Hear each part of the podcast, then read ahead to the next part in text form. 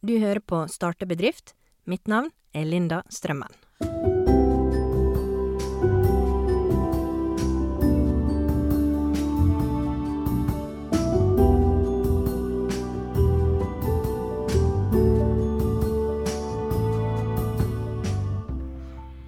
Dagens gjest har lang erfaring og suksess med salgsledelse og utvikling av team i legemiddelindustrien.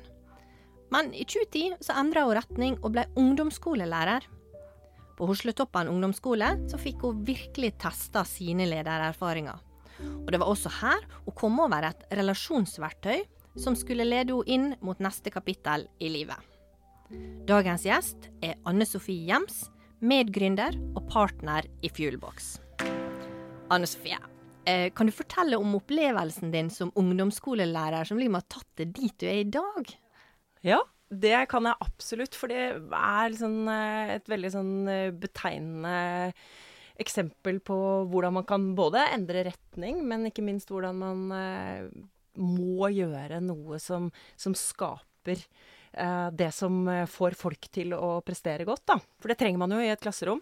Jeg hadde jobbet eh, lenge som leder i legemiddelindustrien. Eh, så var det store omorganiseringer. Og så i den prosessen så er jeg sånn Nei, men skulle jeg ha prøvd den utdannelsen jeg har tatt, da?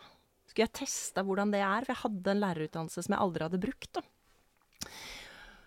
Og så tok jeg et vikariat i, ikke så langt hjemmefra, og hadde planer om at det skulle være ett år. Da hadde jeg liksom testa det. Det ene året, det ble til åtte.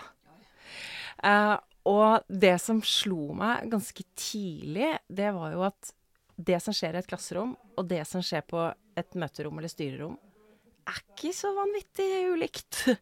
Det er noe med at vi er folk. Uh, for at vi skal prestere, så trenger vi å ha det bra. Vi trenger å trives sammen med de menneskene vi uh, skal prestere sammen med. Både individuelt og kollektivt. Og så den siste klassen jeg hadde, den var uh, ganske utfordrende. Hadde veldig mange ting som sto i veien for akkurat det som handlet om læring, da. Og så måtte jeg teste, da. Så testa jeg masse forskjellig. Jeg tror uh, alle som har prøvd seg på læreryrket, de googler og laminerer og gjennomfører og googler og laminerer og gjennomfører og googler og laminerer og gjennomfører. Altså, det er Vi tester ut forskjellige metoder. Noe funker kjempebra, og så er det noe som ikke funker så bra. Det som fikk meg liksom litt inn på dette her, da, det var at jeg hadde vært med å teste et uh, verktøy som heter Fuelbox, med mannen min. Og så visste jeg hva det gjorde med det å stoppe opp og forstå liksom, ja, det er sånn du var. Jeg liksom huske på hvem er det du er, egentlig. For at i hverdagen så går vi jo i et sånt hamsterhjul. Uh, de samtalene som vi hadde i starten av forholdet, de blir jo litt borte etter hvert. Og så visste jeg at Fuelbox hadde kommet med en ungdomsboks. Og så tok jeg med den inn i klasserommet. Og for de som ikke aner hva Fuelbox er, så kan jeg si litt om det etterpå. Ja, det. Ja. Men, men, jeg tok med dette verktøyet, åpne spørsmål, inn i klasserommet. Og så delte jeg ut ett spørsmål til hvert læringspartnerpar og sa nå skal dere snakke sammen. Man kan tenke det, de 13-åringene, de var jo Altså, det var ikke stormende jubel. Men så sa jeg noe om at jeg vil, og er helt avhengig av, at dere blir bedre kjent med hverandre for at dere skal være tryggere på hverandre. Forventer ikke at dere skal bli bestevenner, men dere må respektere hverandre.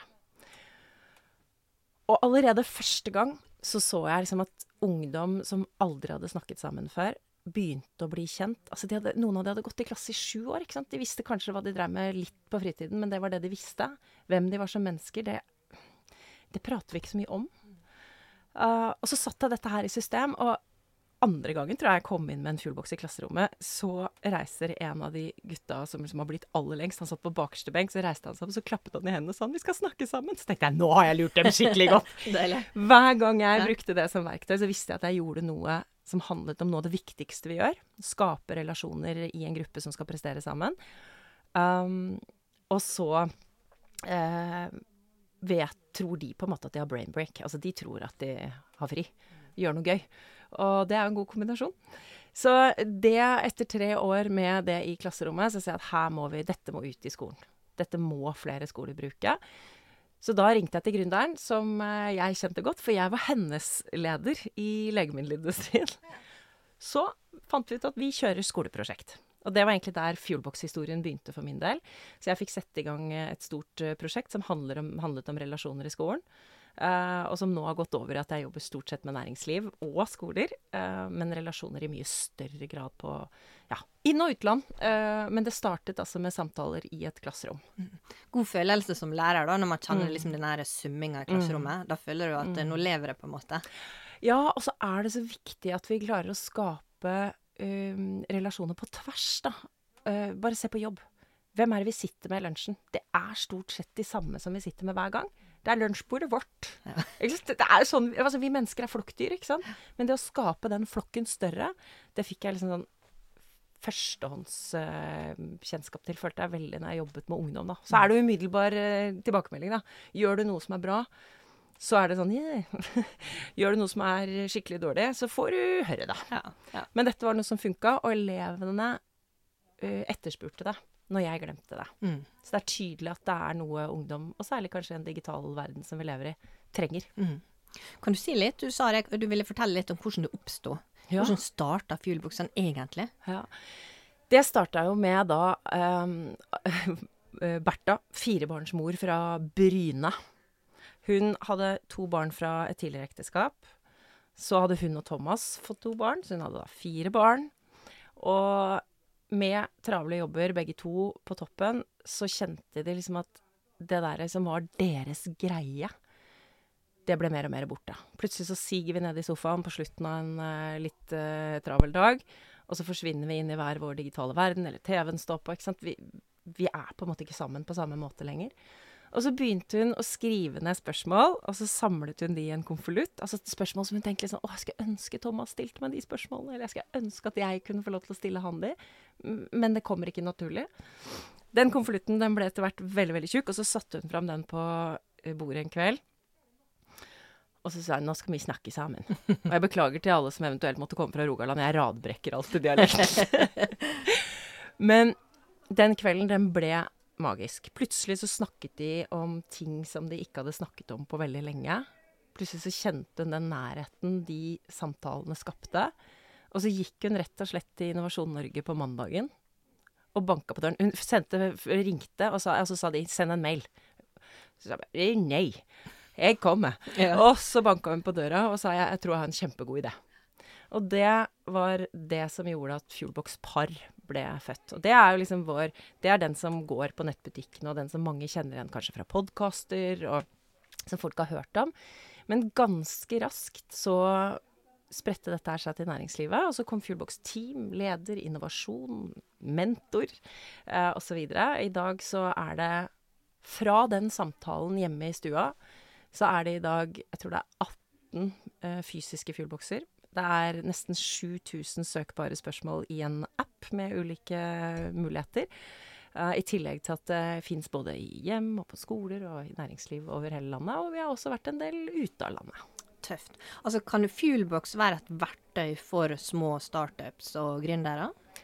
Jeg tenker absolutt. Uh, for det første så tenker jeg at uh, mindsettet, det å ha et relasjonelt mindset, som vi snakker mye om, det tror jeg er enormt viktig.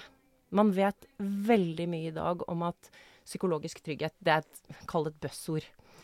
Uh, jeg liker å lage, gjøre ting liksom veldig konkret og nedpå. Uh, psykologisk trygghet handler jo egentlig om at vår relasjon er sterk nok til at jeg tør å komme med nye ideer. Tør å stille spørsmål.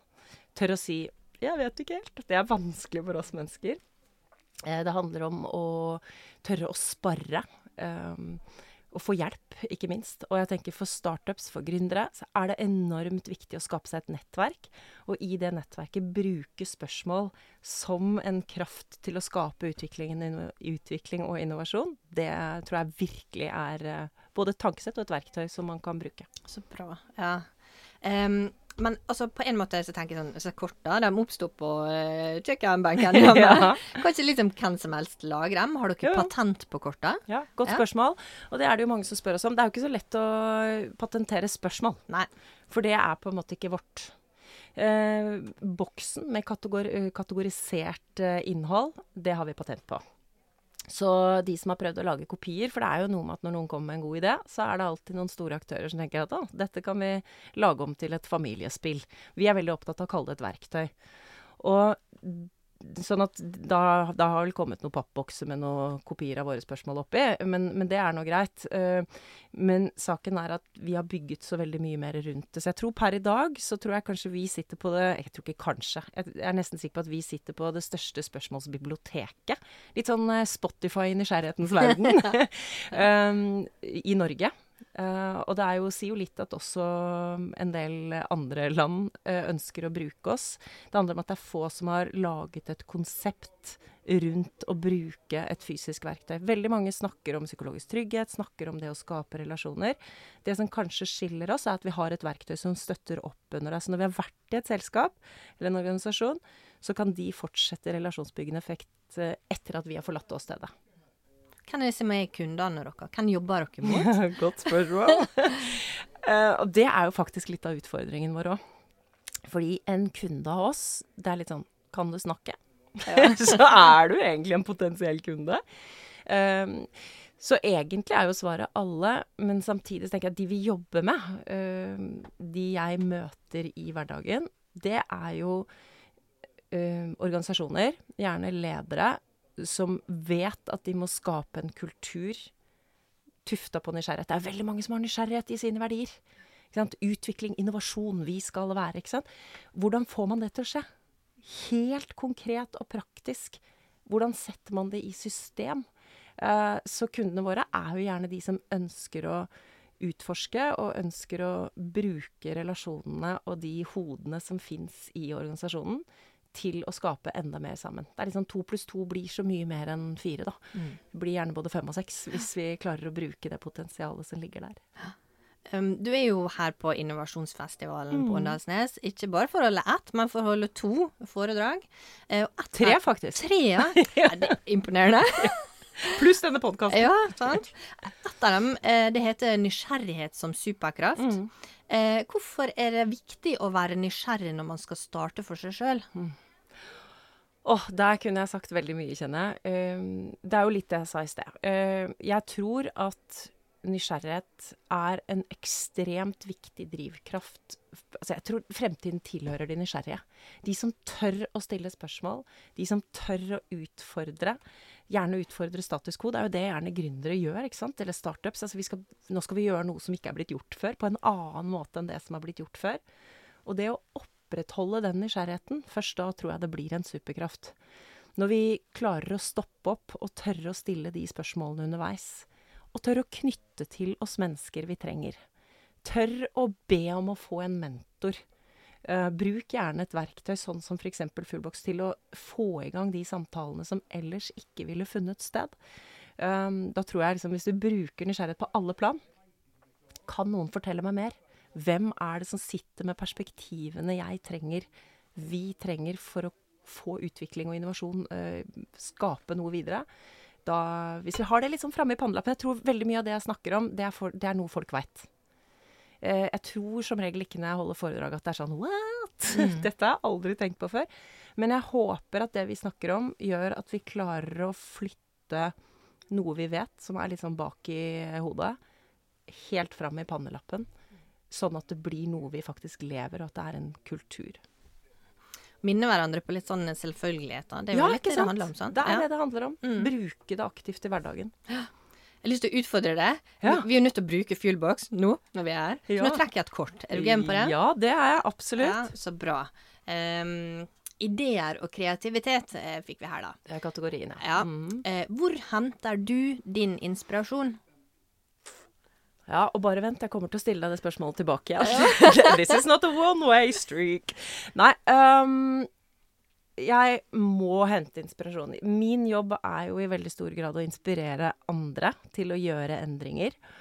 Og jeg blir Altså, jeg er en skravlebøtte, og jeg har mye energi, og det er ofte det folk ser. Men jeg har også et enormt behov for å få kunnskap. Tilegne meg ny kunnskap for å bygge videre på det jeg allerede kan noe om, men å, å ha mer tyngde rent faglig. Så jeg henter mye inspirasjon fra forskning Leser veldig mye forskning, syns det er kjempespennende. Siden covid så har jo det virkelig eskalert hvordan man eh, forsker på dette som handler om relasjoner. For da så man det så veldig tydelig i organisasjoner som ikke hadde trygghet. Så raknet det for mange. Og det motsatte. Eh, så jeg henter mye inspirasjon i forskningen. Eh, det skjer veldig mye spennende forskning i USA på universitetsnivå. Mange doktorgrader som skrives rundt dette som tematikk. Men så henter jeg også inspirasjon eh, i menneskemøter eh, hver eneste dag. Enten jeg jobber med næringsliv, eller når jeg sier at jeg jobber i Fuelbox, så kommer det ofte historier. Jeg blir veldig inspirert av mennesker som har hatt samtaler som har endra noe. Um, og det, det, er liksom de her menneskemøtene. Det blir jeg veldig inspirert av. Mm. Men hva med deg, da? Hvor, hvor henter du inspirasjon? um, jeg kan nok støtte den at jeg henter inspirasjon i folk. Jeg syns mm. det, det, å hente inspirasjon og energi fra folk som kanskje er litt annerledes enn det, ja. at det gjør noe med det. At du utvikler det da, når du liksom uh, mm. er i kontakt med folk som har andre verdier og andre syn på ting. Uh, og så henter jeg i grunnen inspirasjon i reise. Det gir meg energi.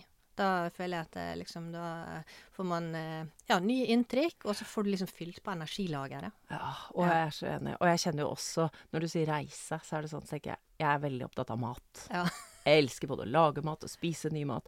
Og bare det gir meg inspirasjon til uh, ja, videreutvikling. Men eh, jeg er spennende, og det er det Fuelbox handler om. Det handler jo om å stille de spørsmålene, få noen nye perspektiver. Mm.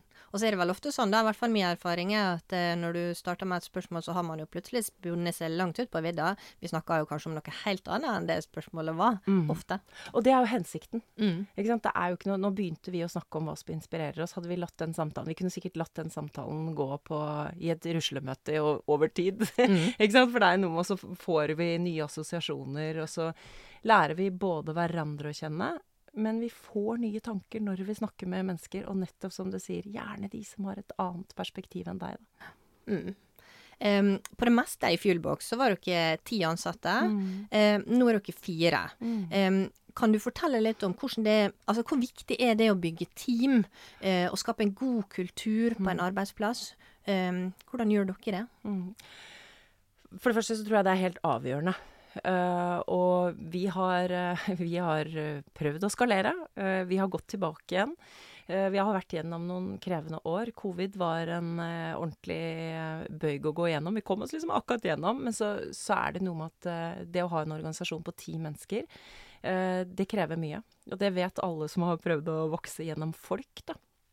det har vært enormt viktig for oss å ha tett dialog hele veien. Og vi ser jo selv, nå er vi fire stykker. Vi kjenner hverandre så godt. Vi har blant annet det vi kaller fuel moments hver gang vi har møte oss i gruppa. Og det gjør vi fortsatt. Vi trekker ett spørsmål i åpningen av møtet hver eneste gang. Bruker kanskje et første kvarter av en times møte bruker vi med ulike spørsmål. Går liksom på rundgang hvem som trekker.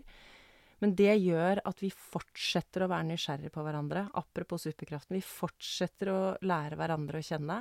Vi ser stadig nye sider ved hverandre. Og det gjør at vi også står tryggere sammen når det stormer, og når ting er utfordrende. Vi er jo rausere med folk vi kjenner godt. Ja, absolutt. Ja. Mm. Det passer veldig å snike inn ett kort til da, nå, siden vi snakker om team. Ja. Så jeg kjører på å gjøre det. Um, her står det Hva er det viktigste du bidrar med i et team? Og det er et spørsmål jeg liker veldig godt. Det er hentet fra appen vår. Um, og jeg tenker det er viktig å være klar over selv. Hva er det jeg bidrar med? For jeg, da må jeg bare et lite innsmett. Fordi jeg tenker ofte så peker vi på lederen, at det er leders ansvar å skape det som skjer i et team. Jeg mener at hver og en av oss som er i et team, har et ansvar for å bringe noe til torgs for at teamet skal fungere godt. Jeg tror det jeg bidrar med, er jo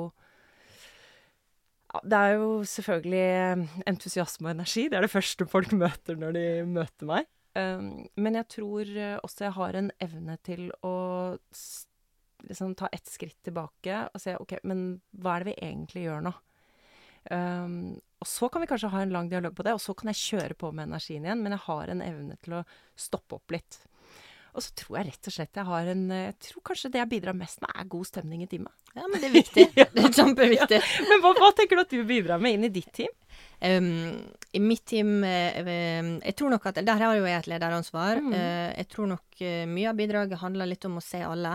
Mm. fordi at vi har ulike roller, sant? og Mm. noen tar mye plass, og noen tar lite plass. Og det å sørge for å skaffe rom til alle, alle får taletid, alle blir sett og hørt og får komme med sine tanker. Noen må tenke som en stund, og noen må bare snakke før de tenker. Mm. så det å kjenne dem Du må jo kjenne medarbeiderne dine hvis du skal Mm. lykkes med det, da. Men det, det Ja, det er hvis, hvis man skal være litt eh, god, så får man si at jeg føler at jeg mestrer. Ja, men så bra. Og det er jo det Nå hørtes det jo nesten ut som du Ja, du tok jo litt sånn ord ut av munnen min, nesten. Fordi det jeg snakker om, er at alle mennesker har et grunnleggende behov for å bli sett og hørt, anerkjent. Kjenne at vi liksom er en del av noe som er litt større enn oss sjøl.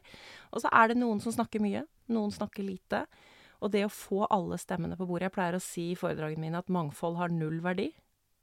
Eh, Med mindre vi inkluderer. Med mindre vi får stemmene på bordet. Og det er jo nettopp det å ha det som lederansvar. Så det tenker jeg er viktig. Men jeg er litt nysgjerrig sånn i dagens samfunn. Det å på en måte produsere uh, og selge et fysisk produkt. Ja. Hvordan det funker. Litt 1990. Ja.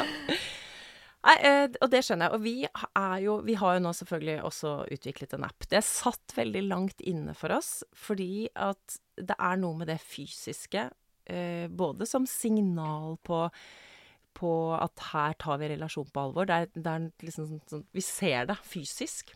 Eh, det er enkelt å ta med seg et kort ut i lomma hvis du går på et uh, møte ute, eller hvis du sitter i et møte. Lett, hvis det står der. Du må liksom huske å ta opp appen uh, for å få den i bruk. Men når det er sagt, så ser vi jo at en kombinasjon er det veldig mange som bruker. Boksen blir gjerne stående på kontoret som et liksom, symbol på at her tar vi det på alvor, men så bruker man appen i eh, fysiske møter. Også fordi at eh, det er mer dynamisk. Vi kan endre, vi kan legge til spørsmål. Vi driver en del med skreddersømmer, har gjort det mye i fysisk boks også. Eh, men samtidig så ser vi at i appen så kan vi skreddersy. Hvis dere f.eks. hadde Vi vil ha spørsmål som handler om strategi eller verdier eller innovasjon, som er tema her, så kan vi skreddersy spørsmål inn i appen, og de kan endres, og de kan legges til. Så det er jo mer dynamisk. Men eh, en kombinasjon tror jeg veldig på. Men mange, særlig på privatmarkedet, for vi jobber jo både B2B og B2C, på hjemmemarkedet så er det veldig mange som ønsker å ha app, nei, boksen fysisk, for den kan stå på spisebordet. ikke sant? Du blir minnet på trekker gjerne ungene et kort, eller ja. Mm. Men sånn prosessen rundt på en måte selve produksjonen, forhandlerledd, salgsledd, hvordan det oppleves da? Ja, nei, altså det, det har også vært en eh, prosess. Vi bruker eh, en kombinasjon av noe her hjemme. Selve produksjonen foregår i Tallinn. Eh, det er relativt nært, men prismessig så er det innafor. Vi har et relativt dyrt produkt fordi at vi ønsker at det skal se pent ut. Det skal ikke være en pappboks som stues bak i en, eh, et skap. Um, så det er jo en distribusjon her. Vi har valgt å ikke ha forhandlere, annet enn vi har én avtale med en restaurantkjede som jobber veldig om å få mat og opplevelser og menneskemøter. Eh, sånn noen som eh, ønsker, som signaliserer mye av det samme som vi uh, gjør. Uh, så har vi noen som driver med ledertrening og sånn, som bruker det, og som også forhandler det. Eh, men stort sett så går det gjennom vår egen nettbutikk. Så sånn sett så har vi ingen mellomledd. Og det gjør det jo enklere både å skalere opp og skalere ned, bytte ut det vi syns er viktig å ha. Nå har vi f.eks. en periode ikke produsert opp Fuelbox Barn. Eh, Fuelbox Innovasjon, som vi har trukket fra i dag, det har vi lagt inn i appen. Eh, så vi er mer fleksible. Tror du appen vil ta over for det fysiske produktet? Jeg er veldig usikker, for jeg føler nesten at folk liker å ha Liksom legge bort telefonene, eh, få liksom den nærheten i å ikke være på hele verden hele tiden. Men i næringslivet så ser jeg at eh, det er gjerne sånn som jeg sa, at da har de noen bokser som står rundt, og så har alle ansatte appen. Ikke sant? Så det er det som Så kanskje. Jeg vet ikke. Nei. Men eh, vi, vi er hele tiden på utkikk etter utvikling, og det er vel kanskje derfor vi har klart oss gjennom ti år. Vi fylte ti år på søndag. Ja, gratulerer. Takk. Um, hva vil du si til de som lytterne som går med en gründer i magen? Er det verdt det? Å ja! Det er jo så gøy, og så skummelt og utfordrende, og det er jo eh, Du må jo like å jobbe på alle nivåer. Du er jo både toppleder og sjauer i en og samme rolle når du er gründer. Du må være villig til å legge inn det. Samtidig så er det ekstremt inspirerende å skape noe. Og jeg tenker jo Så nå er vi på i Møre og Romsdal. Eh, det å skape innovasjon i distriktene, kjempeviktig. Og det får jo folk til å flytte hjem, og det, får, det har veldig mange andre ringvirkninger, da. Uh, og så ville jeg sagt at uh, hvis man skal mm, starte noe, skaff deg et nettverk, og bruk det. Uh, spør om å få mentorer. Jeg er veldig opptatt av gjensidig mentoring. Si til den som har erfaring fra næringslivet at jeg ønsker også å bidra med noe til deg, i all beskjedenhet. Fordi at jeg tror nettopp de perspektivene også fra en ung og sulten og ivrig gründer kan være nyttig for en leder som har vært leder lenge. Så ja. Kjør på. Ja, bra. Um, hvor tror du Fuelbooks er om fem år, da?